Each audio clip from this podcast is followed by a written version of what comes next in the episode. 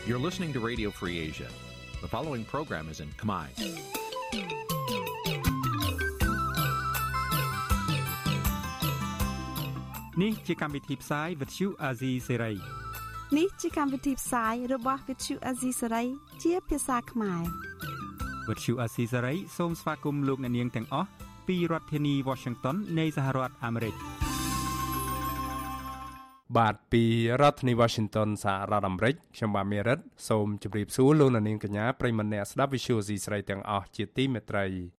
យើងខ្ញុំសូមជូនកម្មវិធីផ្សាយសម្រាប់ព្រឹកថ្ងៃច័ន្ទ12កើតខែមករាឆ្នាំខាលចត្វាស័កពុរសករាជ2566ដែលត្រូវនឹងថ្ងៃទី5ខែធ្នូគ្រិស្តសករាជ2022បាទជាដំបូងនេះសូមអញ្ជើញលោកអ្នកនាងកញ្ញាស្ដាប់ព័ត៌មានប្រចាំថ្ងៃដែលមានមេតិការដូចតទៅ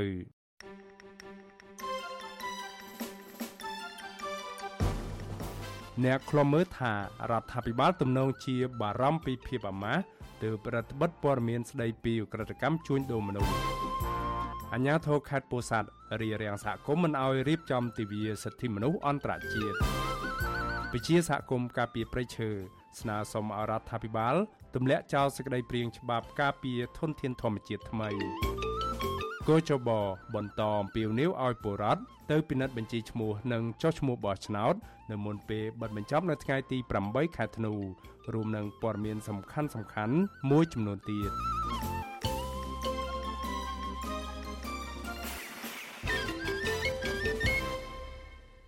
បាទជាបន្តទៅទៀតនេះខ្ញុំបានមេរិតសូមជូនព័ត៌មានទាំងនេះពិស្ដា បាទលោកនាងកញ្ញាប្រិមម្នាក់ស្ដាប់ជាទីមេត្រី នៅសល់3ថ្ងៃទៀតទេ ដែលពេលវេលានៃការពិនិត្យបញ្ជីឈ្មោះនិងការចុះឈ្មោះបោះឆ្នោតឆ្នាំ2022នេះនឹងផុតកំណត់ហើយគណៈកម្មាធិការជាតិរៀបចំការបោះឆ្នោតហៅកាត់ថាកោចបបានបើកឲ្យប្រជាពលរដ្ឋដែលគ្រប់អាយុបោះឆ្នោតទៅពិនិត្យបញ្ជីឈ្មោះនិងចុះឈ្មោះបោះឆ្នោតសម្រាប់ឆ្នាំ2022នេះគឺចាប់តាំងពីថ្ងៃទី20ខែតុលាហើយនឹងបិទបញ្ចប់ត្រឹមថ្ងៃទី8ខែធ្នូខាងមុខនេះ អំឡុងពេលនេះគូចបបានបន្តអំពាវនាវឲ្យពលរដ្ឋទៅពិនិត្យបញ្ជីឈ្មោះនិងចុះឈ្មោះបោះឆ្នោត នៅតាមបណ្ដាសាលាឃុំសង្កាត់ឬនៅតាមភូមិមួយចំនួនក្នុងឃុំសង្កាត់នៅទូទាំងប្រទេសឬតាមរយៈគេហទំព័រនិងកម្មវិធីទូរស័ព្ទដៃ គណៈកម្មាធិការជាតិរៀបចំការបោះឆ្នោតហៅកាត់ថាកូចបោកាលពីថ្ងៃទី4ខែធ្នូម្សិលមិញ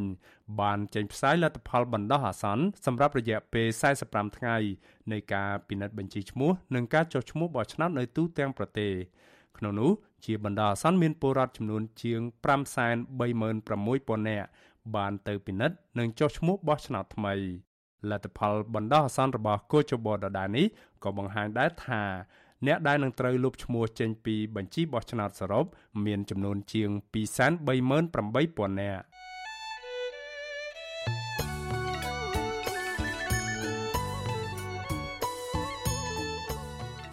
បាទលោកនាងកញ្ញាប្រិមម្នាក់ស្ដាប់ជាទីមេត្រី នៅក្នុងឱកាសនេះដែរខ្ញុំបាទសូមថ្លែងអំណរគុណដល់លោកនាងកញ្ញាទាំងអស់ដែលតែងតែមានភក្ដីភាពចំពោះការផ្សាយរបស់យើងខ្ញុំ ហើយចាត់ទុកការស្ដាប់ Visual Asia សេរីគឺជាផ្នែកមួយនៃសកម្មភាពប្រចាំថ្ងៃរបស់លោកអ្នកនាងការគ្រប់គ្រងរបស់លោកអ្នកនាងនេះហើយដែលធ្វើឲ្យយើងខ្ញុំមានទឹកចិត្តកាន់តែខ្លាំងថែមទៀតនៅក្នុងការស្វែងរកនិងផ្តល់ព័ត៌មានពិតជូនលោកអ្នកនាងមានអ្នកស្ដាប់និងអ្នកទស្សនាកាន់តែច្រើនកាន់តែធ្វើឲ្យយើងខ្ញុំមានភាពស្វាហាប់និងមោះមុតជាបន្តទៅទៀតបាទយើងខ្ញុំសូមអរគុណទុកជាមុនហើយសូមអញ្ជើញលោកអ្នកនាងកញ្ញាចូលរួមជំរុញឲ្យសកម្មភាពផ្តល់ព័ត៌មានពិតរបស់យើងខ្ញុំនេះ កាន់តែជោគជ័យបន្ថែមទៀតលោកអ្នកនាងអាចជួយយើងខ្ញុំបានដោយគ្រាន់តែចុចចែករំលែកឬ Share ការផ្សាយរបស់យើងខ្ញុំនៅលើបណ្ដាញសង្គម Facebook និង YouTube ទៅកាន់មិត្តភ័ក្តិដើម្បីឲ្យការផ្សាយរបស់យើងបានទៅដល់មនុស្សកាន់តែច្រើន បាទសូមអរគុណ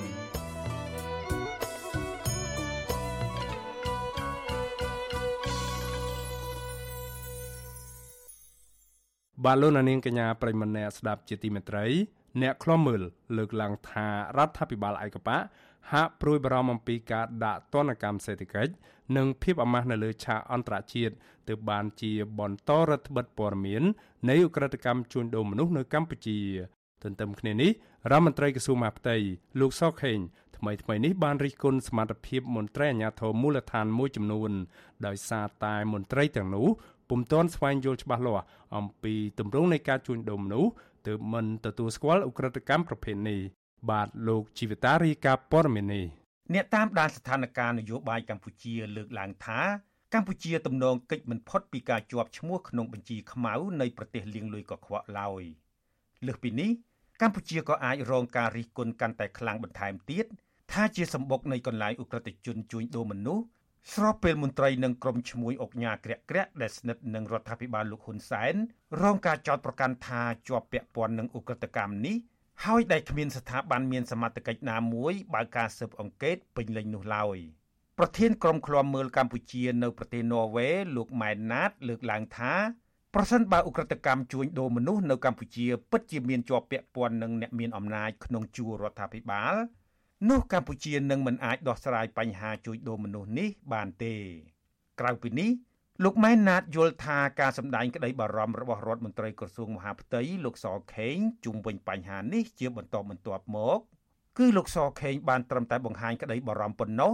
ដោយសារតែលោកគ្មានអធិបុលក្នុងការចាត់វិធានការលើកពួកក្រុមឈ្មួញអាជីវកម្មជួញដូរមនុស្ស ហើយសំបីតលោកហ៊ុនម៉ាណែតហ្នឹងក៏វាមានពាក់ព័ន្ធជាមួយនឹងពួកចិនពួកចិននោះហ្នឹងរហូតដល់បានជំរុញឲ្យមានទីប្រឹក្សាចិនហ្នឹងនៅក្នុងរដ្ឋាភិបាលកម្ពុជានៅក្នុងក្រសួងការពារជាតិអីសិតតពួកស្ថិតនៅក្នុងបញ្ជីចាប់ខ្លួនថៃបាលចិនឬរបស់ណែអង្គទាប៉ូលអីចឹងគ្រួសាររបស់លោកនាយករដ្ឋមន្ត្រីយកមនុស្សអស់ហ្នឹងយកមកដាក់ក្បែរក្បែរខ្លួនហើយពួកហ្នឹងវារស់ស៊ីលៀងលុយរស់ស៊ីបែបម៉ាហ្វ្យាអញ្ចឹងទៅពិបាកក្នុងការចាត់ការហើយពួកហ្នឹងវារស់ស៊ីធ្វើព្យុះធ្វើភ្លៀងនឹងដោយសារអ្នកមានអំណាចនៅខាងក្រោយខ្នងនឹងលោកម៉ែនណាតបន្តចោទទៀតថាការព្យាយាមបិទបាំងព័ត៌មានរឿងជួញដូរមនុស្សពីសំណាក់មន្ត្រីថ្នាក់ក្រោមជាតិរហូតដល់ថ្នាក់ជាតិជាបន្តបន្ទាប់មកនេះគឺដោយសារតែពួកគេខ្លាចរដ្ឋាភិបាលលោកហ៊ុនសែនរងភាពអាម៉ាស់កាន់តែខ្លាំងនិងខ្លាចបាត់បង់នៅមុខតំណែងទូនាទីរបស់ពួកគេទោះជាយ៉ាងណា លោកលើកទឹកចិត្តដល់ពលរដ្ឋឲ្យព្យាយាមបន្តស្វែងយល់ដឹងអំពីឧក្រិដ្ឋកម្មជួញដូរមនុស្សនេះតាមរយៈប្រព័ន្ធផ្សព្វផ្សាយឯករាជ្យការលើកឡើងនេះធ្វើឡើងបន្ទាប់ពីឧក្រិដ្ឋកម្មជួញដូរមនុស្សបង្ខាំងមនុស្សនៅកម្ពុជានៅតែបន្តកើតមានច្រើនហើយសមត្ថកិច្ចអះអាងថាបានទទួលពាក្យបណ្ដឹងពីជនបរទេសឲ្យជួយសង្គ្រោះពួកគេចេញពីកន្លែងការងារខុសច្បាប់ជាបន្តបន្ទាប់ទៀតផង។ រដ្ឋបាលខេត្តប្រស័យអនុឲ្យដឹងកាលពីថ្ងៃទី2ធ្នូថាចាប់តាំងពីថ្ងៃទី30ខែវិច្ឆិកាដល់ថ្ងៃទី2ខែធ្នូសមត្ថកិច្ចបានចោះឆាយឆេរអាគារក្រុមហ៊ុនមួយកន្លែងស្ថិតនៅភូមិមួយសង្កាត់លេខ3ក្រុងប្រស័យអនុខេត្តប្រស័យអនុតាមរយៈពាក្យបណ្ដឹងរបស់ជនជាតិចិនចំនួន5នាក់កាលពីថ្ងៃទី29វិច្ឆិកាប្រពន្ធដដាលបញ្ជាក់ថាសមត្ថកិច្ចរកឃើញមានជនបរទេសចំនួនជាង200នាក់ ប៉ុន្តែជនរងគ្រោះពុំត្រូវបានគេធ្វើទរណកម្មក្នុងអាគារនោះឡើយស្នងការខេត្តប្រស័យអនុលោកជួននរិន ប្រាប់វិទ្យុអាស៊ីសេរីនៅថ្ងៃទី4ធ្នូថាក្នុងការចុះស្រាវជ្រាវនេះសមត្ថកិច្ចបានឃាត់ខ្លួនជនសង្ស័យចំនួន6នាក់ហើយបច្ចុប្បន្នពួកគេត្រូវបានឃុំខ្លួនបណ្ដោះអាសន្នក្នុងស្នងការដ្ឋាននគរបាលខេត្តប្រស័យអនុលោកជួននរិនបញ្ជាក់ថាជនជាតិចិនចំនួន5នាក់ដែលដាក់ពាក្យប្តឹងសមត្ថកិច្ច គឺពួកគេពិតជាត្រូវបានថៅកែបំបិតសិទ្ធិសេរីភាព បង្ខំឲ្យធ្វើការដោយមិនអនុញ្ញាតឲ្យពួកគេចេញចូលបរិវេណអគារនៃកន្លែងការងារបានសេរីឡើយលោកឲ្យដឹងទៀតថា កន្លែងការងារក្នុងអគារក្រុមហ៊ុនស្ថិតនៅភូមិមួយក៏មានលបែងអនឡាញខុសច្បាប់ដែរ បាទព្រោះទីតាំងនេះគឺពួកគាត់លួចលាក់ប្រកបនឹងលបែងខុសច្បាប់ចឹងទេការដើរហើរมันបានដើរហើរចេញទៅខាងក្រៅនៅតែក្នុងបរិវេណហើយនៅពេលដែលយើងទទួលព័ត៌មានបានយើងធ្វើការស្រាវជ្រាវរហូតដល់យើងចូលទៅគ្រប់គ្រងទីតាំងនឹងតែម្ដងបាទគាត់ប្រើប្រាស់ជាប្រព័ន្ធកុំព្យូទ័រហើយពេលនេះខាងជំនាញយើងកំពុងតែបញ្ជូនមកសិក្សាថាទៅប្រព័ន្ធក្នុងកុំព្យូទ័រហ្នឹងគឺជាប្រភេទស្អីខ្លះហើយគាត់ថាទីតាំងនេះគឺជាទីតាំងมันមានច្បាប់អនុញ្ញាតដូច្នេះយើងត្រូវធ្វើការងារបិទហើយនឹងខាត់ខ្លួនអ្នកទទួលខុសត្រូវចំនួន6នាក់បាទនៅក្នុងហ្នឹងកន្លងទៅស្នងការនគរបាលខេត្តនៅតាមបណ្ដាខេត្តមួយចំនួន ដូចជាខេត្តប្រសេអនុពោធិ៍សាត់កំពតបន្ទាយមានជ័យនិងនៅរាជធានីភ្នំពេញជាដើមនារយៈពេលចុងក្រោយនេះ ពួកគេតែងតែអះអាងថាបានចាត់កម្លាំងចុះស្រាវជ្រាវតាមបណ្ដឹងជនរងគ្រោះដែលអះអាងថាត្រូវបានតកែបង្ខាំងខុសច្បាប់ និងធ្វើទរណកម្មជាដើមប៉ុន្តែសមត្ថកិច្ចអះអាងថាជនបរទេសដែលដាក់ពាក្យប្តឹងសមត្ថកិច្ចឲ្យជួយសង្គ្រោះពួកគេនោះគឺពុំត្រូវបានគេបង្ខាំងឬរងនៅអំពើជួញដូរមនុស្សឡើយទោះជាយ៉ាងណាឧបនាយករដ្ឋមន្ត្រីនិងជារដ្ឋមន្ត្រីក្រសួងមហាផ្ទៃលោកសខេងថ្មីថ្មីនេះបានរិះគន់ថា មន្ត្រីអាជ្ញាធរនៅតាមបណ្ដាខេត្តមួយចំនួនគឺសមត្ថភាពពួកគេនៅមានកម្រិតដោយសារតែក្រមមន្ត្រីទាំងនោះមិនទាន់ស្វែងយល់ដឹងអំពីបទល្មើសនៃទម្រង់ជួញដូរមនុស្សនេះនៅឡើយទេលោកសខេងក៏បានបញ្ជាឲ្យអាជ្ញាធរខេត្តពោធិ៍សាត់បង្កើនការបង្ក្រាបក្រុមអក្រិតជនជួញដូរមនុស្សដែលរត់មកពីខេត្តកំពង់សោមមកបោះទីតាំងនៅក្នុងខេត្តពោធិ៍សាត់អ្នកវិភាគនយោបាយលោកកឹមសុខលើកឡើងថា រឿងរ៉ាវនៃឧក្រិដ្ឋកម្មជួញដូរមនុស្សនៅកម្ពុជា គឺជារឿងកាន់តែស្មុគស្មាញដែលបានប៉ះពាល់ដល់ប្រជាជាតិខ្មែរនិងសង្គមកម្ពុជាទាំងមូលដោយសារបញ្ហាជួញដូរមនុស្សនេះហាក់កើតមានឡើងកាន់តែផុសផុល។ ទម្រង់ដែលស្មុគស្មាញដោះស្រាយមិនចេញសូម្បីតែលោកសខេងក៏មិនហ៊ានប៉ះដែរនោះនៅត្រង់ថា សមត្ថកិច្ចត្រូវផ្ដោតយ៉ាងប្រុងប្រយ័ត្នបំផុតថាតើទម្រង់នៃការជួញដូរមនុស្សប្រភេទណា នៅប្លុកណា អ្នកណាជាអ្នកនៅពីក្រោយខ្នងរឿងនេះសមត្ថកិច្ចថ្នាក់ក្រោមទូចតាចមិនហ៊ានប្រើសមត្ថភាពចាត់ការទេជាមួយគ្នានេះដែរ នាយកទទួលបន្ទុកកិច្ចការទូតនៃអង្គការលីកាដូលោកអំសំអាត មានប្រសាសន៍ថាឧក្រិដ្ឋកម្មជួញដូរមនុស្សនៅតែជារឿងគួរឲ្យព្រួយបារម្ភព្រោះការជួញដូរមនុស្សនាពេលបច្ចុប្បន្នគឺក្រុមឧក្រិដ្ឋជនមានមធ្យោបាយកាន់តែទំនើបជាពិសេសករណីឆបោកតាមប្រព័ន្ធអ៊ីនធឺណិតលោកស្នើដល់រដ្ឋាភិបាលកម្ពុជាឲ្យពង្រឹងសមត្ថភាពរបស់មន្ត្រីសមត្ថកិច្ចជំនាញបន្ថែមទៀត ព្រមទាំងបង្កើនកិច្ចសហប្រតិបត្តិការជាមួយអង្គការដៃគូជំនាញនិងប្រទេសក្នុងតំបន់ដើម្បីបន្តបង្ក្រាបអំពើជួញដូរមនុស្សដែលកំពុងកើតមាននៅកម្ពុជាត្រូវបំបត្តិនៃអំពើពុករលួយកុំឲ្យកើតមានទាំងនៅក្នុង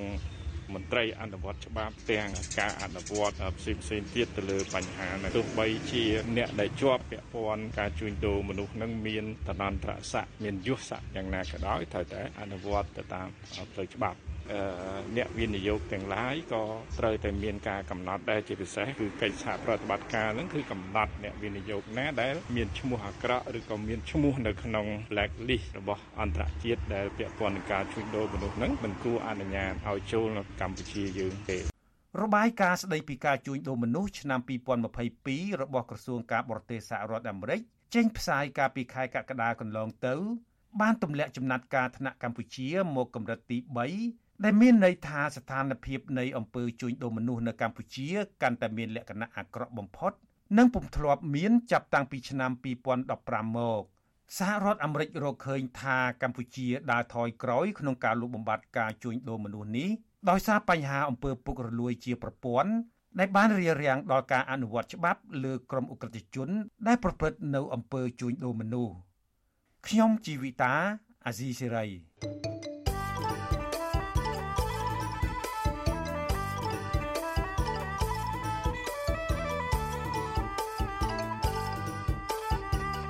បាទលោកនាងកញ្ញាប្រិមម្នាក់ស្ដាប់ជាទីមេត្រី ពីខេត្តពោធិ៍សាត់ឯណោះវិញអាជ្ញាធរស្រុកក្រគរចុះរារាំងមិនអោយសហគមន៍ព្រៃឈើរៀបចំទិវាសិទ្ធិមនុស្សអន្តរជាតិ10ធ្នូនៅក្នុងវត្តរតនរាំងសីហៅវត្តក្រឡាញ់ឃុំក្បាលត្រាចស្រុកក្រគរក្រុមហេតផលថាមិនបានសុំច្បាប់អនុញ្ញាតសហគមន៍និងមន្ត្រីសិទ្ធិមនុស្សខកចិត្តចំពោះការដែលអាជ្ញាធររើសអើងនិងបំបិទសិទ្ធិសេរីភាពរបស់ពលរដ្ឋ ដែលត្រូវបានធានាដោយច្បាប់ជាតិនិងអន្តរជាតិសហគមន៍ព្រៃឈើប្រមាណ70នាក់ដែលក្រុងជួបជុំគ្នារៀបចំប្រារព្ធទិវាសិទ្ធិមនុស្ស10ធ្នូដើម្បីផ្សព្វផ្សាយខួបលើកទី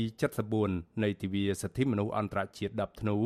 ក្រមប្រធានបទសេចក្តីថ្លែងថ្នូរសិទ្ធិសេរីភាពនិងយុត្តិធម៌សម្រាប់ទាំងអស់គ្នានៅវត្តរតនរាំងសីហៅវត្តក្រឡាញ់ស្ថិតនៅក្នុងឃុំក្បាលត្រាចស្រុកក្រគរខេត្តពោធិ៍សាត់នៅថ្ងៃទី4ខែធ្នូ ត្រូវបានអាជ្ញាធរជាង10នាក់ចុះទៅទប់ស្កាត់មិនឲ្យពួកគេរៀបចំពិធីនេះភ្លាមៗទោះយ៉ាងណាអ្នករៀបចំកម្មវិធីបានសម្រេចបដូរទៅជួបជុំគ្នានៅផ្ទះរបស់តំណាងសហគមន៍ជំនួយវិញ ដែលមានអ្នកចូលរួមប្រមាណ30នាក់ដោយសារតែពួកគេបារម្ភពីការប្រឈមមុខជាមួយអាជ្ញាធរខណៈពលរដ្ឋនៅក្នុងភូមិមួយរងនឹងការគំរាមកំហែងពីសំណាក់ប្រជាការពារភូមិមុនពេលរៀបចំកម្មវិធី តំណាងសហគមន៍ក្បាលត្រាចលោកគុជវែងប្រាវិសុយស៊ីស្រីនៅថ្ងៃទី4ខែធ្នូថាសហគមន៍លោកមិនបានរៀបចំកម្មវិធីជួបជុំប្ររពទិវាសិទ្ធិមនុស្ស10ធ្នូដោយរលូននោះទេដោយសារតែអាជ្ញាធរស្រុកនិងឃុំ បានចុះមករៀបរៀងហើយបញ្ជាឲ្យរុះរើរោងផ្ទាំងបដានិងបិទទ្វាររបងវត្តហាម5ការជួបជុំរបស់ប្រជាពលរដ្ឋក្រមហេតុផលថាមិនបានសុំច្បាប់អនុញ្ញាតពីថ្នាក់ស្រុកជាមុន លោកគុជវែងអះអាងថាមុនពេលរៀបចំកម្មវិធីនេះសហគមន៍បានដាក់លិខិតជូនដំណឹងភ្ជាប់ដោយរបៀបវិរៈព្រមទាំងអញ្ជើញអាជ្ញាធរមូលដ្ឋានតាមច្បាប់កំណត់រួចហើយក៏ប៉ុន្តែមេឃុំក្បាលត្រាចច្រានចោលលិខិតនោះដោយរុញឲ្យទៅសុំច្បាប់អនុញ្ញាតពីថ្នាក់ស្រុកលោកគុជវែងឲ្យដឹងទៀតថាកន្លងមកសកម្មភាពរារាំងបែបនេះ បានកើតឡើងចំពោះសហគមន៍របស់លោកម្ដងរួចមកហើយទោះបីបុរដ្ឋជួនដំណឹងទៅដល់អភិបាលស្រុកក៏ដោយស្របពេលអាជ្ញាធរអាចរៀបចំជួបជុំគ្នាបានតំណាងសហគមន៍រូបនេះយល់ថាការហាមឃាត់ទាំងនោះគឺជារឿងមិនត្រឹមត្រូវតាមច្បាប់ហើយបង្ហាញពីការរើសអើង និងមិនចង់ឲ្យពលរដ្ឋយល់ដឹងអំពីសិទ្ធិរបស់ពួកគេដែលមានចែងនៅក្នុងរដ្ឋធម្មនុញ្ញជំនុំពរសង្ឃថាវិបាលគួរណាស់ពិចារណាឲ្យស្បោះ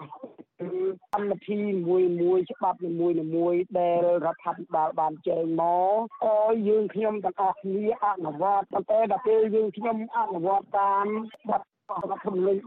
កពូលរបស់ប្រទេសកម្ពុជានឹងគេដែលពួកគម្រប់គេដែលធ្វើតាមហើយត្រូវបានអាជ្ញាធរហាមឃាត់នឹងមកឃើញថាមានបានទេបាត់បង់ជំនឿហើយយើងទេធ្លាក់ចុះនៅសេរីភាពរបស់មនុស្សហើយក៏ធ្វើឲ្យប៉ះពាល់មុខមាត់ដល់សង្គមរដ្ឋាភិបាលដែរ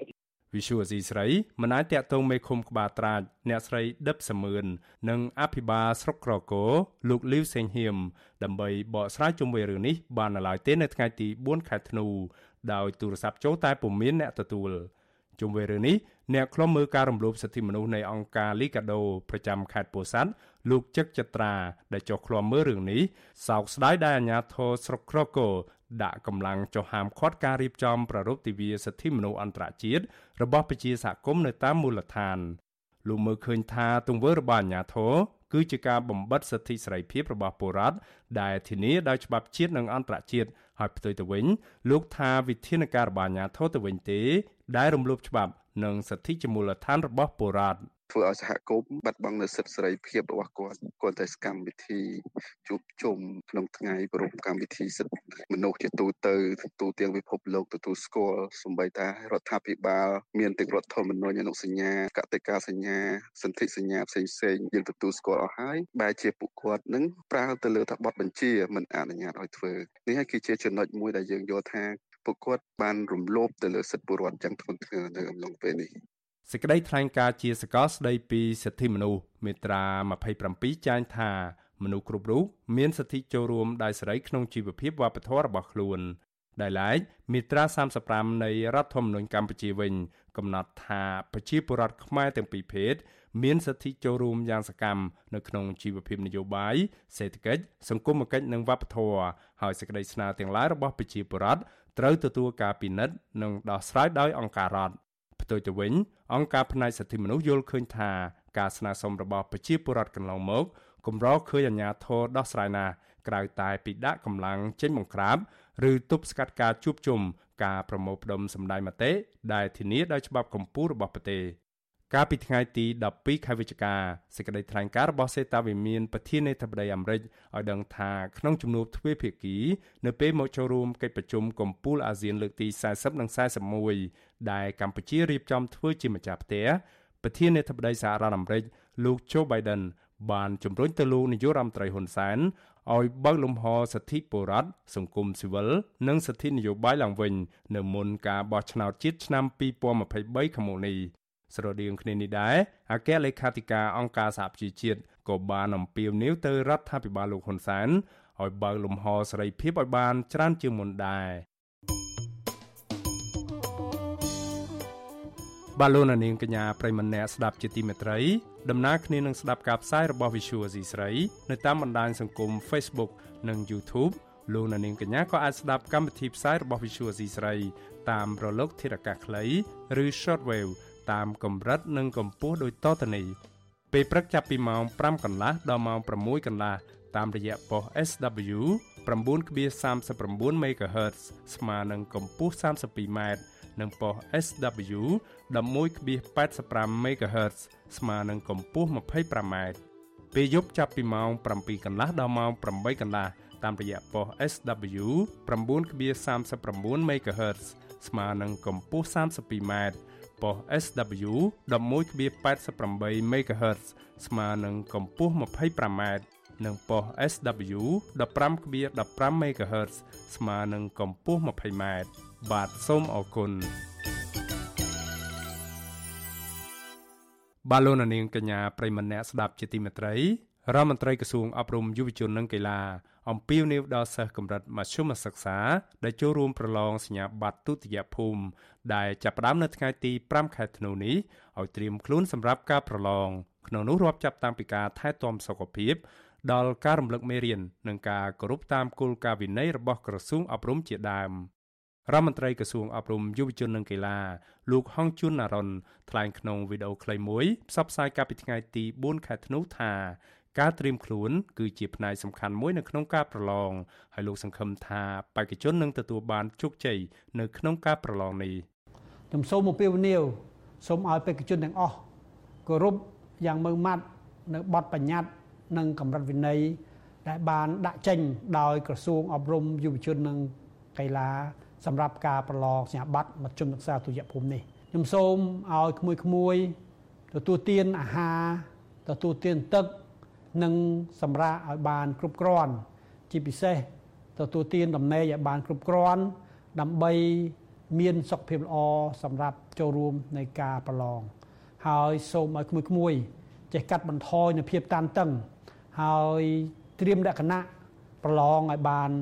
ត្រឹមត្រូវឲ្យបានគ្រប់គ្រាន់ជាពិសេសដោយមើលរំលឹកមេរៀនឡើងវិញគោលការណ៍ចម្បងចំនួន4សម្រាប់ការប្រឡងបាក់ឌុបរយៈពេល2ថ្ងៃគឺចាប់ពីថ្ងៃទី5ដល់ថ្ងៃទី6ខែធ្នូនេះគឺគោលការណ៍ច្បាប់ យុត្តិធម៌ដំណាភាព និងលទ្ធផលទទួលយកបានសេចក្តីប្រកាសព័ត៌មានរបស់ក្រសួងអប់រំកាលពីថ្ងៃទី21ខែកញ្ញាឲ្យដឹងថាមានបេក្ខជនសរុបចំនួនជាង128,000នាក់បានចុះឈ្មោះប្រឡងក្នុងនោះមានស្រីចំនួនជិត70000នាក់ ជាមួយគ្នានេះក្រសួងអប់រំបានកំណត់យកថ្ងៃទី27ខែធ្នូនាពេលរសៀលសម្រាប់ប្រកាសលទ្ធផលប្រឡងនៅរាជធានីភ្នំពេញនិងខេត្តកណ្ដាលនិងថ្ងៃទី28ខែធ្នូសម្រាប់បណ្ដាខេត្តផ្សេងៗទៀតនៅទូទាំងប្រទេស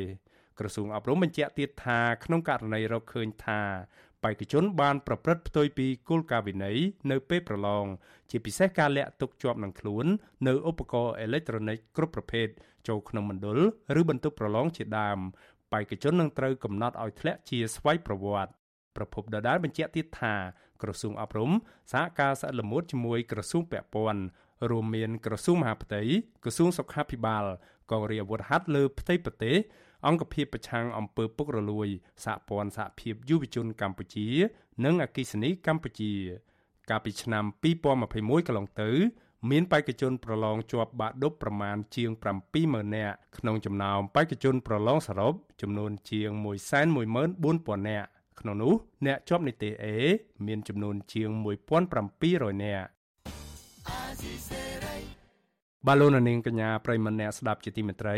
ព័ត៌មានតកតងទៅនឹងវិស័យអប់រំនេះដែរជនភៀសខ្លួនខ្មែរមួយគ្រួសារអប់រំកូនរហូតទទួលបានពានរង្វាន់ថ្នាក់សិស្សពូកែនៅឯប្រទេសថៃ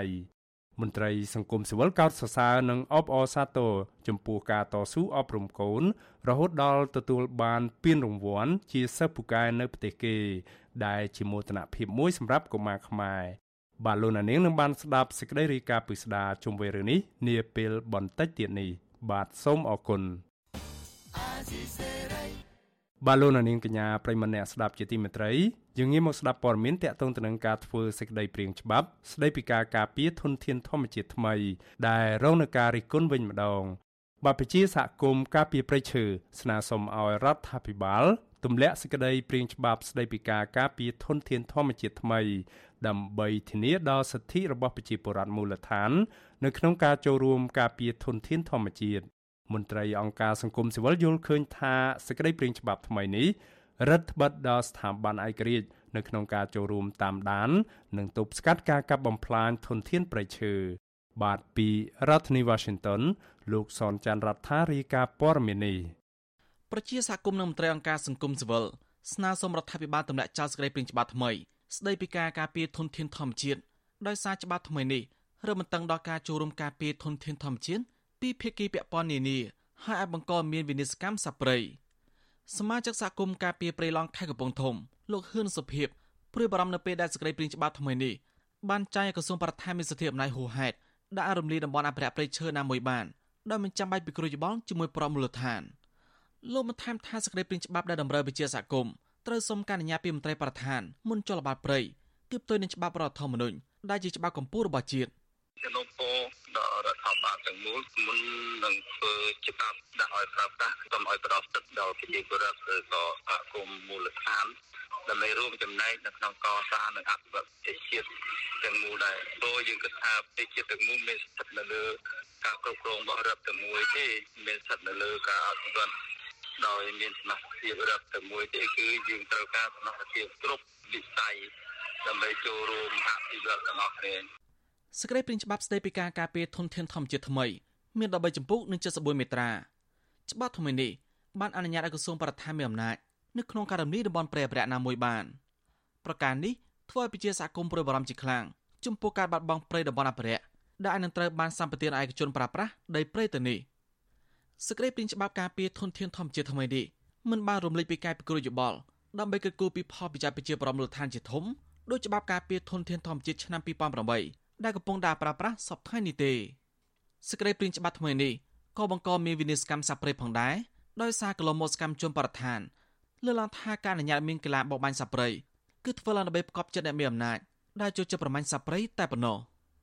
វិទ្យុអេស៊ីសេរីនៅមិនទាន់អាចតទៅណែនាំពីក្រសួងបរិស្ថានលោកនេពេត្រានិងអ្នកនាំពាក្យរដ្ឋសភាលោកលេងពេញឡុងដើម្បីបកស្រាយអំពីបញ្ហានេះបាននៅឡើយទេ នៅថ្ងៃទី4ខែធ្នូដោយទូរស័ព្ទហៅចូលទៅគ្មានអ្នកទទួលជុំវិញរឿងនេះ មន្ត្រីជាន់ខ្ពស់ប្រព័ន្ធផ្សព្វផ្សាយនៃសមាគមបណ្ដាញយុវជនកម្ពុជាលោកម៉ាចត្រាយល់ឃើញថារដ្ឋាភិបាលគូជំរុញមន្ត្រីថ្នាក់ក្រោមជាតិអនុវត្តច្បាប់ការពារធនធានធម្មជាតិដែលមានស្រាប់ឲ្យមានប្រសិទ្ធភាពជាជាបង្កើតច្បាប់ថ្មីដែលមានលក្ខណៈរឹតបន្តឹងសាធារណជននិងសង្គមស៊ីវិលចូលរួមការពារធនធានធម្មជាតិ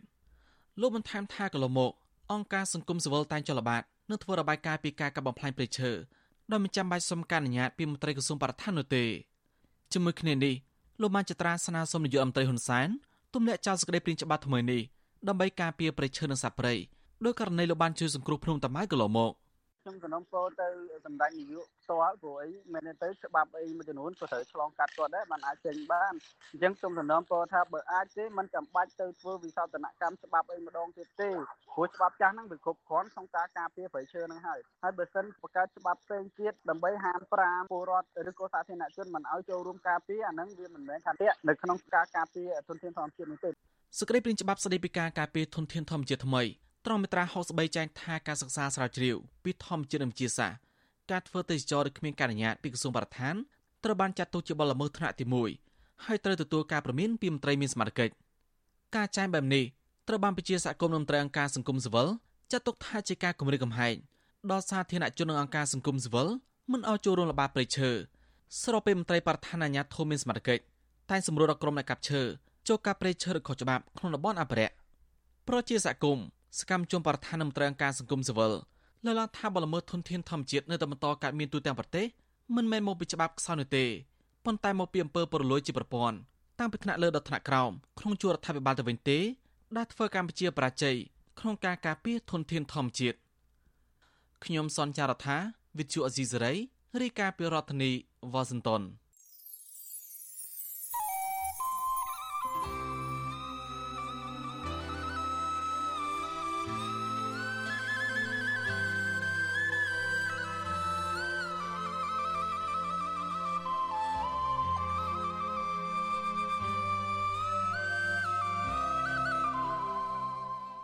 បាទលោកនាងកញ្ញាប្រិមម្នាក់ស្ដាប់ជាទីមេត្រី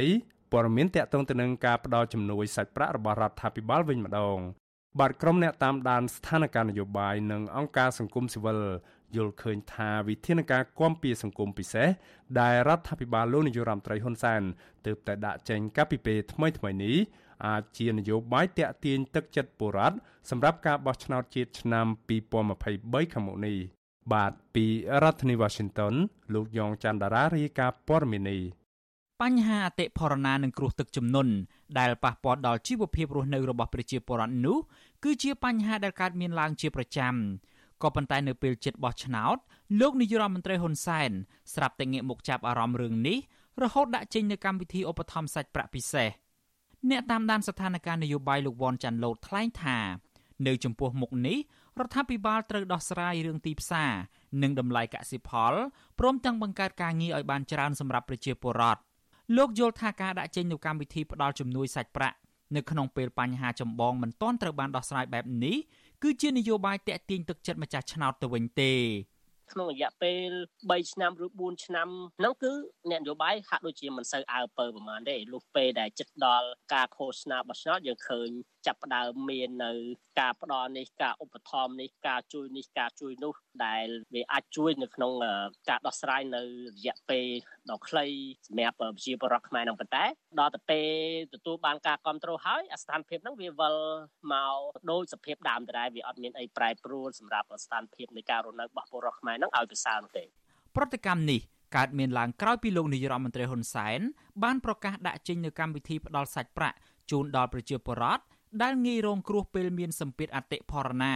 ព្រមទាំងងាយរងហានិភ័យពីផលប៉ះពាល់ធ្ងន់ធ្ងរនៃគ្រោះទឹកជំនន់យោងតាមសារលិខិតរបស់លោកហ៊ុនសែនកាលពីថ្ងៃទី3ខែធ្នូគ្រួសារងាយរងហានិភ័យពីសម្ពាធអតិផរណាទទួលបានជំនួយទៅតាមតំបន់ហើយបូកបន្ថែមជាមួយសមាជិកគ្រួសារម្នាក់ម្នាក់នៅក្នុងនោះគ្រួសារនៅភ្នំពេញទទួលបានជំនួយជិត100000រៀលបូកបន្ថែមនឹងសមាជិកគ្រួសារម្នាក់ម្នាក់ចំនួន28000រៀល គ្រួសារនៅទីប្រជុំជនទទួលបានជិត90000រៀលនិងសមាជិកគ្រួសារបន្ថែម នៅក្នុងម្នាក់ជាង20000រៀលហើយគ្រួសារនៅទីជនបទវិញទទួលបានប្រមាណ80000រៀលនិងសមាជិកគ្រួសារក្នុងម្នាក់ម្នាក់ទទួលបាន20000រៀលបន្ថែមទៀតសម្រាប់អ្នកងាយរងហានិភ័យពីផលប៉ះពាល់ធ្ងន់ធ្ងរនៃគ្រោះទឹកជំនន់វិញកម្មវិធីនេះអនុវត្តនៅក្នុងរាជធានីខេត្តចំនួន16មានដូចជារាជធានីភ្នំពេញខេត្តកណ្ដាល ខេត្តបាត់ដំបង និងខេត្តព្រៃវែងជាដើមមួយគ្រួសារទទួលបានប្រាក់ឧបត្ថម្ភចំនួន80000រៀលបូកទាំងសមាជិកគ្រួសារក្នុងម្នាក់16000រៀលហើយកុមារជនពិការនិងមនុស្សចាស់ចាប់ពី60ឆ្នាំឡើងទទួលបានប្រាក់ឧបត្ថម្ភម្នាក់16000រៀលបន្ថែមទៀតរបាយការណ៍របស់គណៈកម្មាធិការជាតិគ្រប់គ្រងគ្រោះមហន្តរាយឲ្យដឹងថាទឹកជំនន់នៅឆ្នាំនេះបង្កផលប៉ះពាល់ដល់ខេត្តចំនួន23និងប៉ះពាល់ដល់ប្រជាពលរដ្ឋជិត150,000គ្រួសារ ដែលស្មើនឹងជិត7សែននាក់ទឹកជំនន់បានបំផ្លាញស្រូវនិងដំណាំរួមផ្សំអស់ជិត150,000ហិកតាប៉ះពាល់ផ្ទះប្រជាពលរដ្ឋជាង70,000ខ្នងសាលារៀនជិត400សាលានិងវត្តចំនួន113ហើយបានសម្លាប់ជីវិតមនុស្សចំនួន14នាក់ថែមទៀតតាក់ទងទៅនឹងកម្មវិធីផ្ដល់សាច់ប្រាក់ពិសេសនេះវិញក្រសួងផែនការគឺជាអ្នកកំណត់អត្តសញ្ញាណគ្រួសារដែលត្រូវបានទទួលប្រាក់ឧបត្ថម្ភទាំងនេះលោកហ៊ុនសែនបានដាក់បញ្ជាតាមសារលិខិតរបស់លោកថា រដ្ឋបាលថ្នាក់ក្រោមជាតិត្រូវកំណត់អត្តសញ្ញាណនិងសម្របសម្រួលឲ្យប្រជាពលរដ្ឋគោលដៅទទួលបានប្រាក់ឧបត្ថម្ភទាំងនេះទាន់ពេលវេលា ហើយនឹងធានាបាននូវយុត្តិធម៌សុចរិតភាពនិងតម្លាភាពតកតងទៅនឹងរឿងនេះប្រធានសមាគមប្រជាធិបតេយ្យឯករាជ្យនិសេសកិច្ចក្រៅប្រព័ន្ធលោកវុនពៅជំរុញឲ្យអាជ្ញាធរពាក់ព័ន្ធអនុវត្តកម្មវិធីនេះដោយគ្មានការរើសអើងលោកថាកម្មវិធីផ្ដល់ប្រាក់ឧបត្ថម្ភនេះអាចផ្ដល់ប្រយោជន៍ខ្លះដល់ប្រជាពលរដ្ឋ ក៏ប៉ុន្តែនេះក៏ជារូបភាពនៃការតាក់ទាញទឹកចិត្តប្រជាពលរដ្ឋនៅមុនការបោះឆ្នោតផងដែរវាជាពេលវេលាដែលគណៈបកកណ្ដាលអំណាចគាត់យកចិត្តពលរដ្ឋទៅទៅនឹងការបោះឆ្នោតនេះផងដែរចឹងហើយបានគេធ្វើរហូតដល់ខែកក្កដានឹងឯងការយល់ឃើញរបស់ខ្ញុំគឺថារដ្ឋគួរតែមានយន្តការច្បាស់លាស់មួយតកតងទៅនឹងការឧបត្ថម្ភសាច់ប្រាក់ឬក៏រៀបចំប្រព័ន្ធយន្តការតកតងប្រព័ន្ធកិច្ចគាំពារសង្គមមួយឲ្យមានភាពរឹងមាំមានន័យថារៀបចំប្រព័ន្ធកិច្ចគាំពារសង្គមជាសកលតែម្ដង ធនាគារពិភពលោកបានចេញផ្សាយរបាយការណ៍ថ្មីមួយកាលពីថ្ងៃទី28វិច្ឆិកាថាប្រជាជនកម្ពុជាជិតកន្លះលាននាក់បានធ្លាក់ខ្លួនក្រីក្រ នៅក្នុងរយៈពេល2ឆ្នាំចុងក្រោយនេះក្រោយការផ្ទុះរាតត្បាតនៃជំងឺ Covid-19 ស្ថាប័នហិរញ្ញវត្ថុអន្តរជាតិមួយនេះបានផ្ដល់អនុសាសន៍ដល់រដ្ឋាភិបាលកម្ពុជាឲ្យដាក់ចេញនូវវិធានការអន្តរាគមន៍នានាដើម្បីគ្រប់គ្រងដល់ការស្ដារសេដ្ឋកិច្ចឡើងវិញ មានជាអាចការផ្ទេរសាច់ប្រាក់តាមគោលដៅកំណត់ ការពង្រឹងកិច្ចគាំពារសង្គមព្រមទាំងការវិនិយោគលើវិស័យសុខាភិបាល និងការអប់រំជាដើមតកតងទៅនឹងកម្មវិធីឧបត្ថម្ភសាច់ប្រាក់ពិសេសវិញរដ្ឋាភិបាលលោកហ៊ុនសែននឹងចាប់ផ្ដើមអនុវត្តកម្មវិធីផ្តល់ប្រាក់ជំនួយសម្រាប់អ្នកងាយរងហានិភ័យពីផលប៉ះពាល់ធ្ងន់ធ្ងរនៃគ្រោះទឹកជំនន់ចាប់ពីខែធ្នូឆ្នាំ2022នេះរហូតដល់ខែកុម្ភៈឆ្នាំ2023ដោយផ្ដល់ជូននៅក្នុងមួយខែម្ដងចំណែកកម្មវិធីបើកសាច់ប្រាក់សម្រាប់អ្នកងាយរងគ្រោះ ពីសម្ពាធអតិផរណាវិញរដ្ឋាភិបាលផ្ដល់ជូនចំនួន3លើក គឺនៅថ្ងៃទី10ខែធ្នូឆ្នាំ2022ថ្ងៃទី10ខែមេសា និងថ្ងៃទី10ខែកក្កដាឆ្នាំ2023ខណៈការបោះឆ្នោតនឹងប្រព្រឹត្តទៅនៅថ្ងៃទី23ខែកក្កដាឆ្នាំ2023នោះខ្ញុំយ៉ងច័ន្ទដារាវិទ្យុអាស៊ីសេរីរាយការណ៍ពីរដ្ឋធានី Washington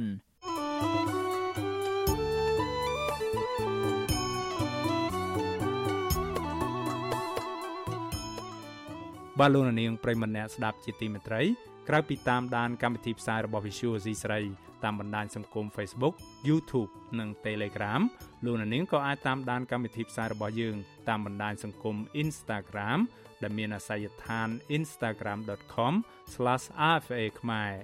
Visual C ស្រីបន្តខិតខំផ្សព្វផ្សាយព័ត៌មានពិតជូនដល់លោកនាង តាមរយៈបណ្ដាញសង្គមផ្សេងៗនិងសម្បូរបែបដើម្បីឲ្យលោកនាងងាយស្រួលតាមដានការផ្សាយរបស់យើងគ្រប់ពេលវេលា និងគ្រប់ទីកន្លែងតាមរយៈទូរស័ព្ទដៃរបស់លោកនាង បាទសូមអរគុណ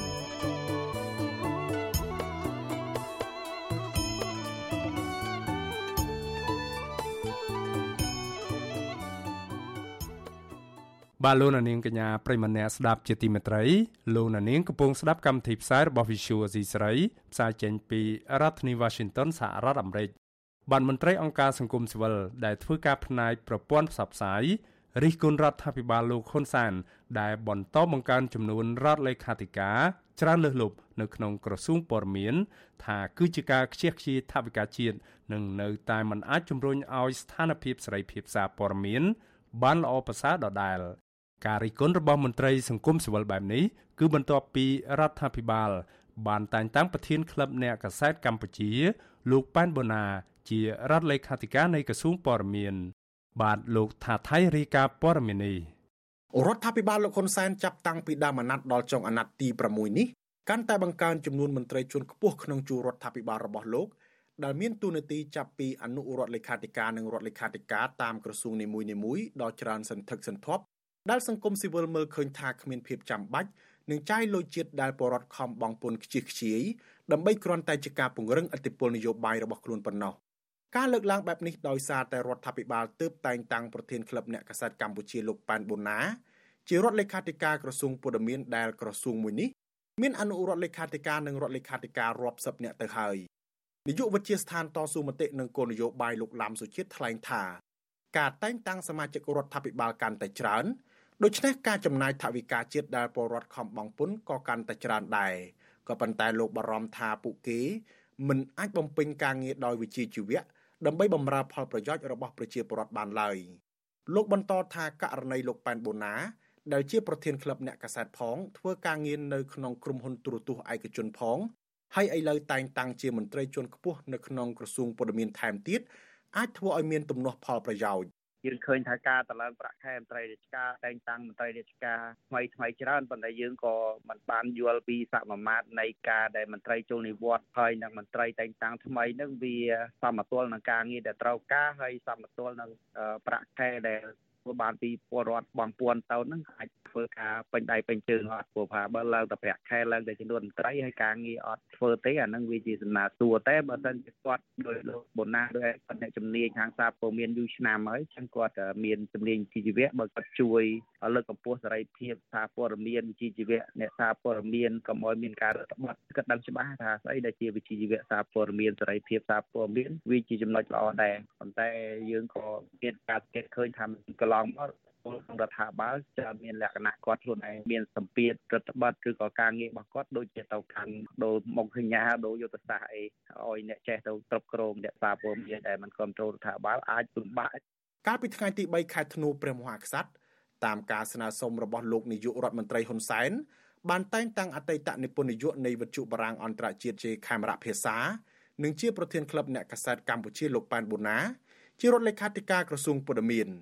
បច្ចុប្បន្ននេះលោកប៉ែនបូណាក៏ជានិពន្ធនាយកព័ត៌មាននៅក្នុងក្រុមហ៊ុនទូរទស្សន៍ PNN របស់អង្គការលីយ៉ុងផាត់ដែលមានគេឈ្មោះអាស្រូវរឿងទទួលបានដីសម្បត្តិសេដ្ឋកិច្ចពីរដ្ឋាភិបាលលោកហ៊ុនសែនដែលធ្វើឲ្យប្រជាពលរដ្ឋរាប់ពាន់គ្រួសារត្រូវអស់ដីនិងផ្ទះសម្បែងដោយសារការបណ្តេញចេញដោយបង្ខំវិទ្យុអាស៊ីសេរីមិនអាចសុំការឆ្លើយតបពីលោកប៉ែនបូណាបានទេដោយលោកប្រាប់ថាមិនទាន់ចង់និយាយអំពីបញ្ហានេះទោះជាយ៉ាងណាលោកបានបង្ហោះសារនៅលើទំព័រ Facebook របស់លោកថា លោកមានបៃតិសមមនុស្សឥតឧបមា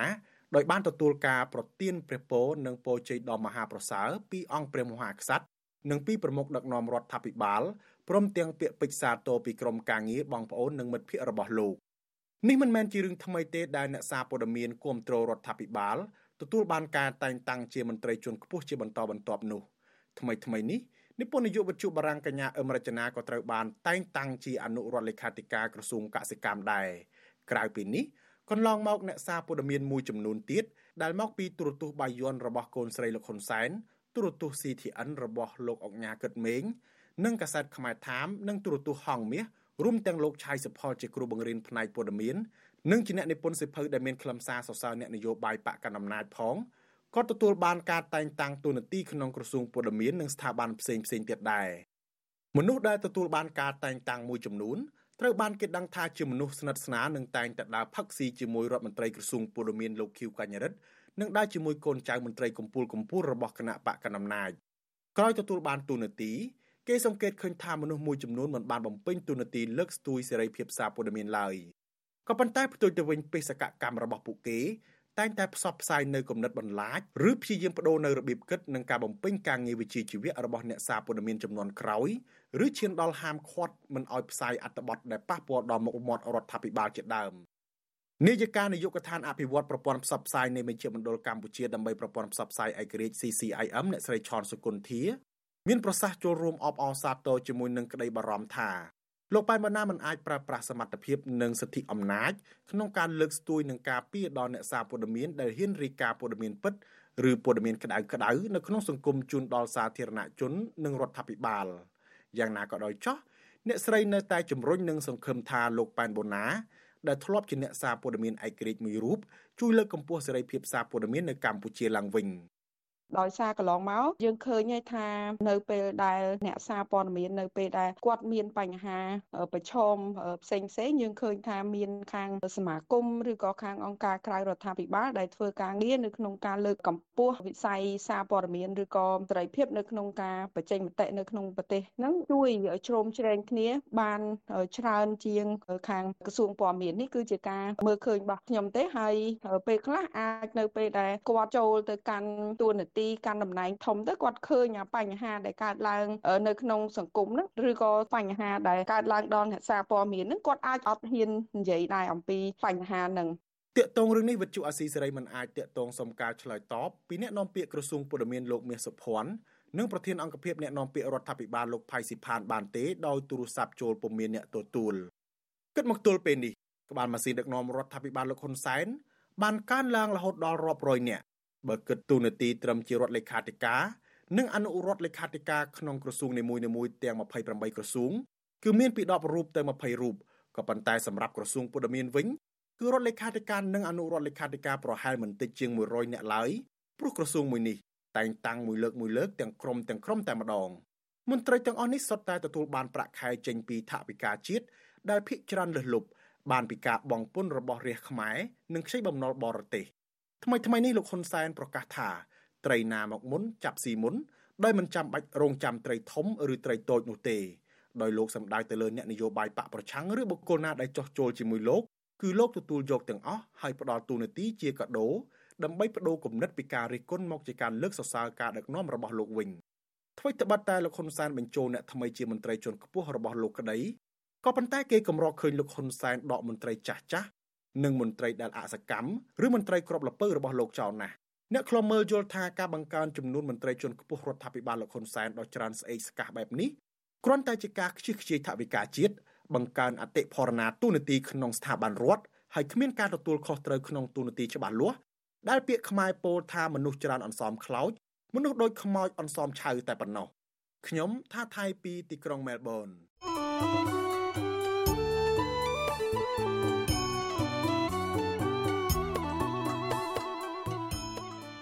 បាទលោកនាងប្រិមម្នាក់ស្ដាប់ជាទីមេត្រីក្រៅពីតាមដានកម្មវិធីផ្សាយរបស់ Visual C ស្រីតាមបណ្ដាញសង្គម Facebook YouTube និង Telegram លោកនាងក៏អាចតាមដានកម្មវិធីផ្សាយរបស់យើង តាមបណ្ដាញសង្គម Instagram ដែលមានអាសយដ្ឋាន instagram.com/rfa ខ្មែរ Visual C ស្រីបន្តខិតខំផ្សព្វផ្សាយព័ត៌មានពិតជូនដល់លោកនាងតាមរយៈបណ្ដាញសង្គមផ្សេងៗនិងសម្បូរបែបដើម្បីឲ្យលោកនាងងាយស្រួលតាមដានការផ្សាយរបស់យើងគ្រប់ពេលវេលា និងគ្រប់ទីកន្លែងតាមរយៈទូរស័ព្ទដៃរបស់លោកនាង បាទសូមអរគុណ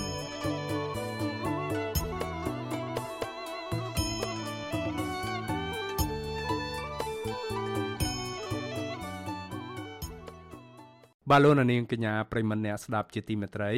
រឿងរ៉ាវតាក់ទងនឹងវិស័យអប់រំវិញម្ដង បាទជនភៀសខ្លួនខ្មែរមួយគ្រួសារអប់រំកូនរហូតទទួលបានពានរង្វាន់ថ្នាក់សិស្សពូកែនៅប្រទេសថៃមន្ត្រីសង្គមស៊ីវិលកោតសរសើរនិងអបអរសាទរចំពោះការតស៊ូអប់រំកូន រហូតដល់ទទួលបានពានរង្វាន់ជាសិស្សពូកែនៅប្រទេសគេ ដែលជាមោទនភាពមួយសម្រាប់កុមារខ្មែរ ស្ត្រីមេម៉ាយនិងជាជនភៀសខ្លួននយោបាយម្នាក់មកពីខេត្តបៃលិនមករស់នៅប្រទេសថៃដោយខុសច្បាប់អស់រយៈពេលជាង5ឆ្នាំមកហើយស្ត្រីរូបនោះមានកូន2នាក់នៅក្នុងបន្ទុកគ្រួសារនិងបានឆ្លងកាត់ទុក្ខលំបាកជាច្រើននៅក្នុងជីវិតប្រចាំថ្ងៃក្នុងពេលរស់នៅជាជនភៀសខ្លួននៅក្រៅប្រទេស លោកស្រីលើកឡើងថាលោកស្រីនិងគ្រួសារបានភៀសខ្លួនយ៉ាងដូចនេះគឺដោយសារតែការធ្វើទុកបុកម្នេញពីសំណាក់អាជ្ញាធរគណៈបកកណ្ដាលអំណាចមកលើលោកស្រី ដែលជាសកម្មជនគណៈបកសង្គ្រោះជាតិឲ្យចោះចូលជាមួយគណៈបកប្រជាជនកម្ពុជាលោកស្រីអាងថាដោយសារលោកស្រីមើលឃើញពីទុកលំបាកនិងការគៀបសង្កត់ប្រជាពលរដ្ឋខ្មែរគ្រប់រូបភាព ទើបលោកស្រីមិនព្រមចោះចូលជាមួយគណៈបកប្រជាជនកម្ពុជានិងសុកចិត្តភៀសខ្លួនទាំងគ្រួសារមករស់នៅក្នុងប្រទេសថៃ ដើម្បីគេចចេញពីការយាយីពីសំណាក់អាជ្ញាធរខេត្តនិងរដ្ឋាភិបាលលោកហ៊ុនសែនជនភៀសខ្លួនខ្មែរដែលមានស្រុកកំណើតនៅក្រុងបៃលិនខេត្តបៃលិនលោកស្រីសួសេមប្រាប់ Visual C ស្រីឲ្យដឹងនៅថ្ងៃទី4ខែធ្នូថាលោកស្រីរស់នៅក្នុងបន្ទប់ជួលទំហំ4ម៉ែត្រគុណនឹង6ម៉ែត្រ ក្នុងតម្លៃជួលជិត5000បាត ស្មើនឹងជិត60ម៉ឺនរៀលនៅក្នុងមួយខែហើយខាងអង្គការដែលជាដៃគូរបស់អង្គការសហប្រជាជាតិទទួលបន្ទុកជនភៀសខ្លួនហៅកាត់ថា UNHCR ប្រចាំប្រទេសថៃ បានជួយផ្គត់ផ្គង់ប្រាក់មួយចំនួននៃថ្លៃឈ្នួលផ្ទះព្រោះលោកស្រីជាជនភៀសខ្លួនមិនអាចធ្វើការងារនៅក្នុងប្រទេសថៃបានឡើយលោកស្រីបន្តថាលោកស្រីបារម្ភពីអនាគតកូនកូនខ្លាចគ្មានចំណេះដឹងនៅប្រទេសថៃ ទើបលោកស្រីស្នើទៅអង្គការសហជីវជាតិទទួលបន្ទុកជនភៀសខ្លួនឲ្យជួយដល់កូនកូនរបស់លោកស្រីឲ្យបានចូលរៀននៅក្នុងប្រទេសថៃលោកស្រីបន្ថែមថាអង្គការសហជីវជាតិបានបញ្ជូនកូនកូនរបស់លោកស្រីទាំងពីរនាក់បងប្អូនឲ្យទៅរៀននៅសាលាមួយកន្លែងនៅជាប់ក្រុងបាងកកលោកស្រីលើកឡើងថាដោយសារតែកូនលោកស្រីរៀនពូកែ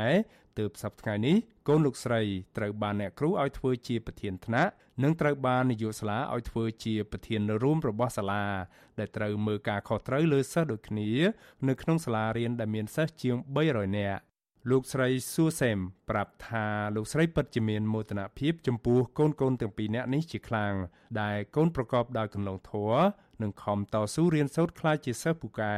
ដោយសារមានការគ្រប់គ្រងពីអង្គការគាត់បាននៅឲ្យបញ្ជូនកូនខ្ញុំឲ្យទៅរៀននៅសាលាថៃចាសាលារដ្ឋការរៀនសូត្ររបស់ពួកគាត់គឺមើលឃើញថាពួកគាត់រៀនបានល្អកូនស្រីកូនប្រុសខ្ញុំគឺការខិតខំព្យាយាមគឺគាត់រៀនបានល្អចាស់ជាប់លំដាប់លេខ1នៅក្នុងសាលាគាត់តែម្ដងចាបើនិយាយពីបញ្ហាទុកលំបាកគឺពួកខ្ញុំលំបាកប៉ុន្តែគាត់ថាខ្ញុំអត់អាចទៅជំរាបថាខ្ញុំលំបាកបានដោយសារទីមួយយើងជាអ្នកនយោបាយអញ្ចឹងហើយបានខ្ញុំចេះតែទ្រាំសប្ងៃនេះគឺខ្ញុំអត់ចង់និយាយពីបញ្ហាលំបាកឲ្យអ្នកខាងក្រៅឮគឺខ្ញុំមានតែទ្រាំតែអ្វីដែលជាបញ្ហាប្រឈមពួកខ្ញុំសប្ងៃដែលជាជនភៀសខ្លួន3អ្នកម្ដាយពូនគឺខ្ញុំពិបាកណាស់ក្នុងការរស់នៅសប្ងៃគឺខ្ញុំមានការខ្វះខាតខ្លាំងណាស់លោកស្រីស៊ូសេមមានកូន2នាក់ស្រីម្នាក់និងប្រុសម្នាក់ដែលកូនស្រីច្បងឈ្មោះណានសុកនាងអាយុ17ឆ្នាំ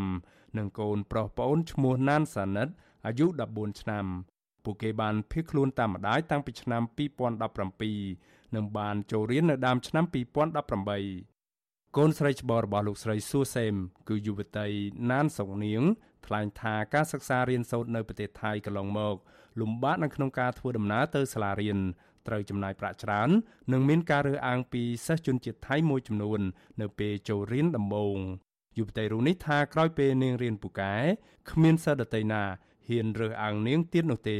ហើយលោកគ្រូអ្នកគ្រូក៏ស្រឡាញ់ចូលចិត្តនាងនោះដែរយុវតីណានសុកនាងបន្តថា កាលពីនាងនៅប្រទេសកម្ពុជា នាងរៀនថ្នាក់ទី7ហើយសប្តាហ៍ថ្ងៃរៀនថ្នាក់ទី6នៅប្រទេសថៃចំណែកប្អូនប្រុសណានសានិតរៀនថ្នាក់ទី5នៅប្រទេសខ្មែរហើយសប្តាហ៍ថ្ងៃរៀនថ្នាក់ទី4នៅប្រទេសថៃ យុវតីណានសុងនាង បន្ថែមថាកញ្ញាបានជាប់ជាសិស្សពូកែតំណាងសាលាទៅចូលរួមប្រកួតប្រជែងជាមួយសាលាដទៃទៀតប្រមាណ30សាលានិងទទួលបានជ័យលាភីលេខ1ក្នុងខេត្តនន្ទបុរី កាលពីថ្ងៃទី3ខែធ្នូ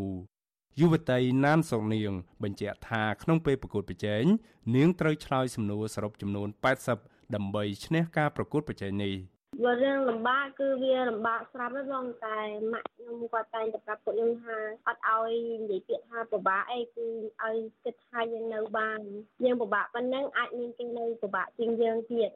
គ្រូគាត់អត់អីមកគ្រូនៅនេះគេដូចជាគេអត់រើសអើងយើងគេស្រឡាញ់យើងអញ្ចឹងណាមួយយើងរៀនបកាយអីហងអញ្ចឹងទៅគេអត់រើសអើងយើងទេគេស្រឡាញ់យើងគឺឥឡូវវាដូចថានៅពេលនេះគឺខ្ញុំនិងប្អូនដូចជាអត់មានអីជួយម៉ាក់បានក្រៅពីខំតាំងចិត្តរៀនសូត្រឲ្យវាបានល្អកន្លែងហ្នឹងគឺជួយអីក៏អត់បានច្រើនក៏កន្លែងនេះយើងមានអារម្មណ៍ថាបានជួយគាត់កន្លែងហ្នឹងហ៎បង រូបថតនានាដែលបង្ហោះដោយក្រុមអ្នកប្រើប្រាស់បណ្ដាញសង្គម Facebook បង្ហាញឲ្យឃើញថានៅថ្ងៃទទួលរង្វាន់ជ័យលាភី ជាសិស្សពូកែយុវតីណានសុកនាង បានឈរកាន់ពានរង្វាន់សិស្សពូកែ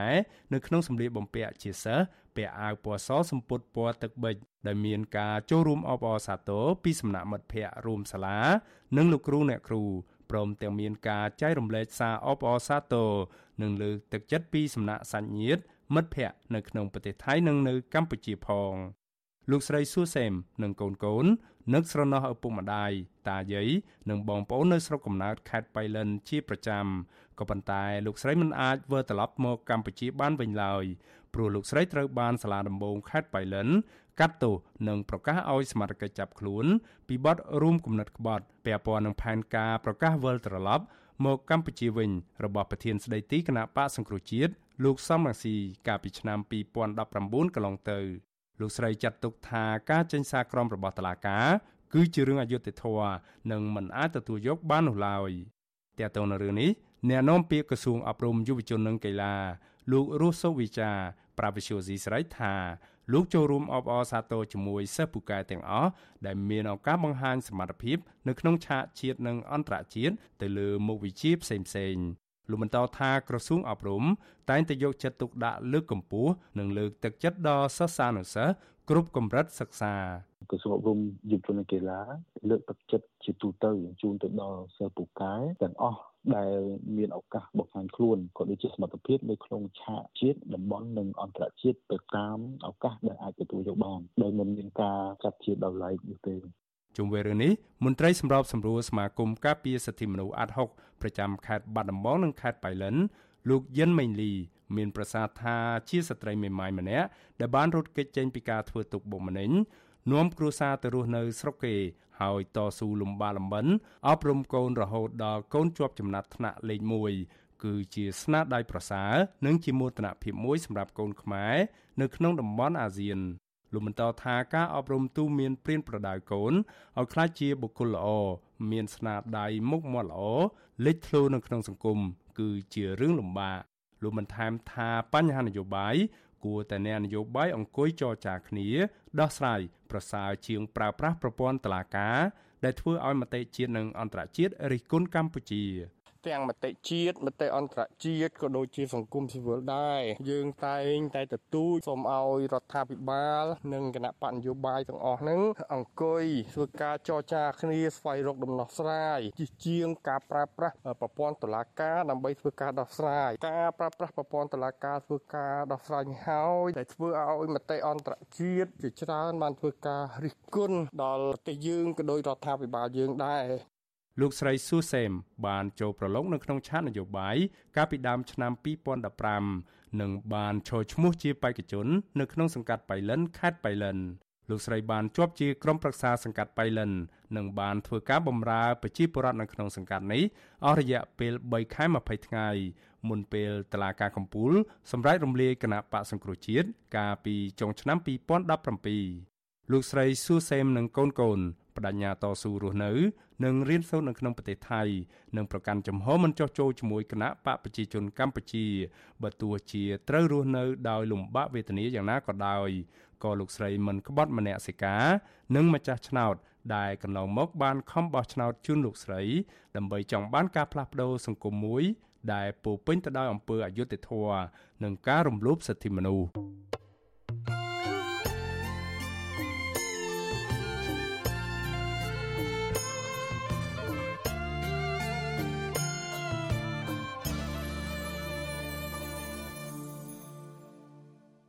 បាទលោកនាងកញ្ញាប្រិមម្នាក់ស្ដាប់ជាទីមេត្រី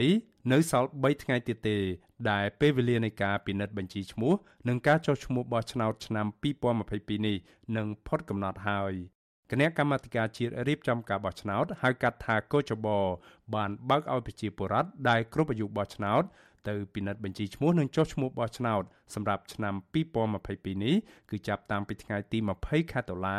ហើយនឹងបិទបញ្ចប់ត្រឹមថ្ងៃទី8ខែធ្នូខាងមុខនេះ អំឡុងពេលនេះគូចបបានបន្តអំពាវនាវឲ្យពលរដ្ឋទៅពិនិត្យបញ្ជីឈ្មោះនិងចុះឈ្មោះបោះឆ្នោត នៅតាមបណ្ដាសាលាឃុំសង្កាត់ឬនៅតាមភូមិមួយចំនួនក្នុងឃុំសង្កាត់នៅទូទាំងប្រទេសឬតាមរយៈគេហទំព័រនិងកម្មវិធីទូរស័ព្ទដៃ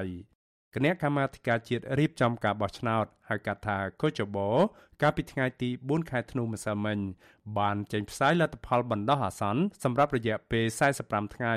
នៃការពិនិត្យបញ្ជីឈ្មោះនិងការចុះឈ្មោះបោះឆ្នោតនៅទូទាំងប្រទេសក្នុងនោះជាបណ្ដោះអាសន្នមានពលរដ្ឋចំនួនជាង536,000នាក់បានទៅពិនិត្យនិងចុះឈ្មោះបោះឆ្នោតថ្មីលទ្ធផលបណ្ដោះអាសន្នរបស់កូចបដដានេះក៏បង្ហាញដែរថា អ្នកដែលនឹងត្រូវលុបឈ្មោះចេញពីបញ្ជីបោះឆ្នោតសរុបមានចំនួនជាង238,000នាក់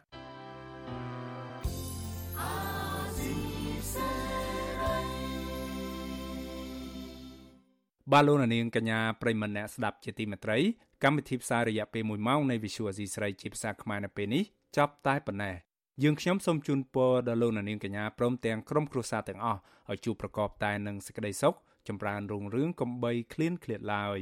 ខ្ញុំបាទមេរិតព្រមទាំងក្រុមការងារទាំងអស់នៃ Visual C ស្រីសូមអរគុណនិងសូមជម្រាបលា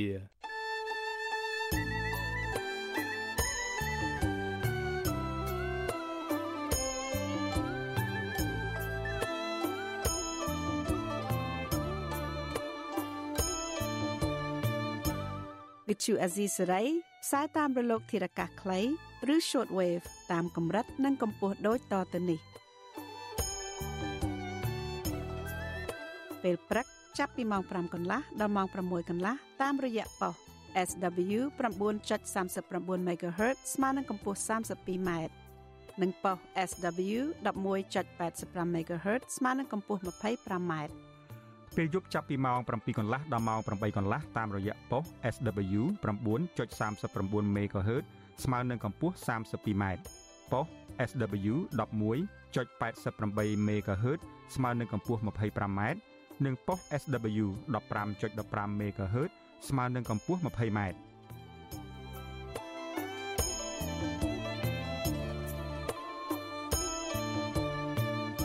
លោកអ្នកនាងក៏អាចស្ដាប់ការផ្សាយផ្ទាល់តាមប្រព័ន្ធអ៊ីនធឺណិតដោយចូលទៅកាន់គេហទំព័រ www.rfa.org/ ខ្មែរ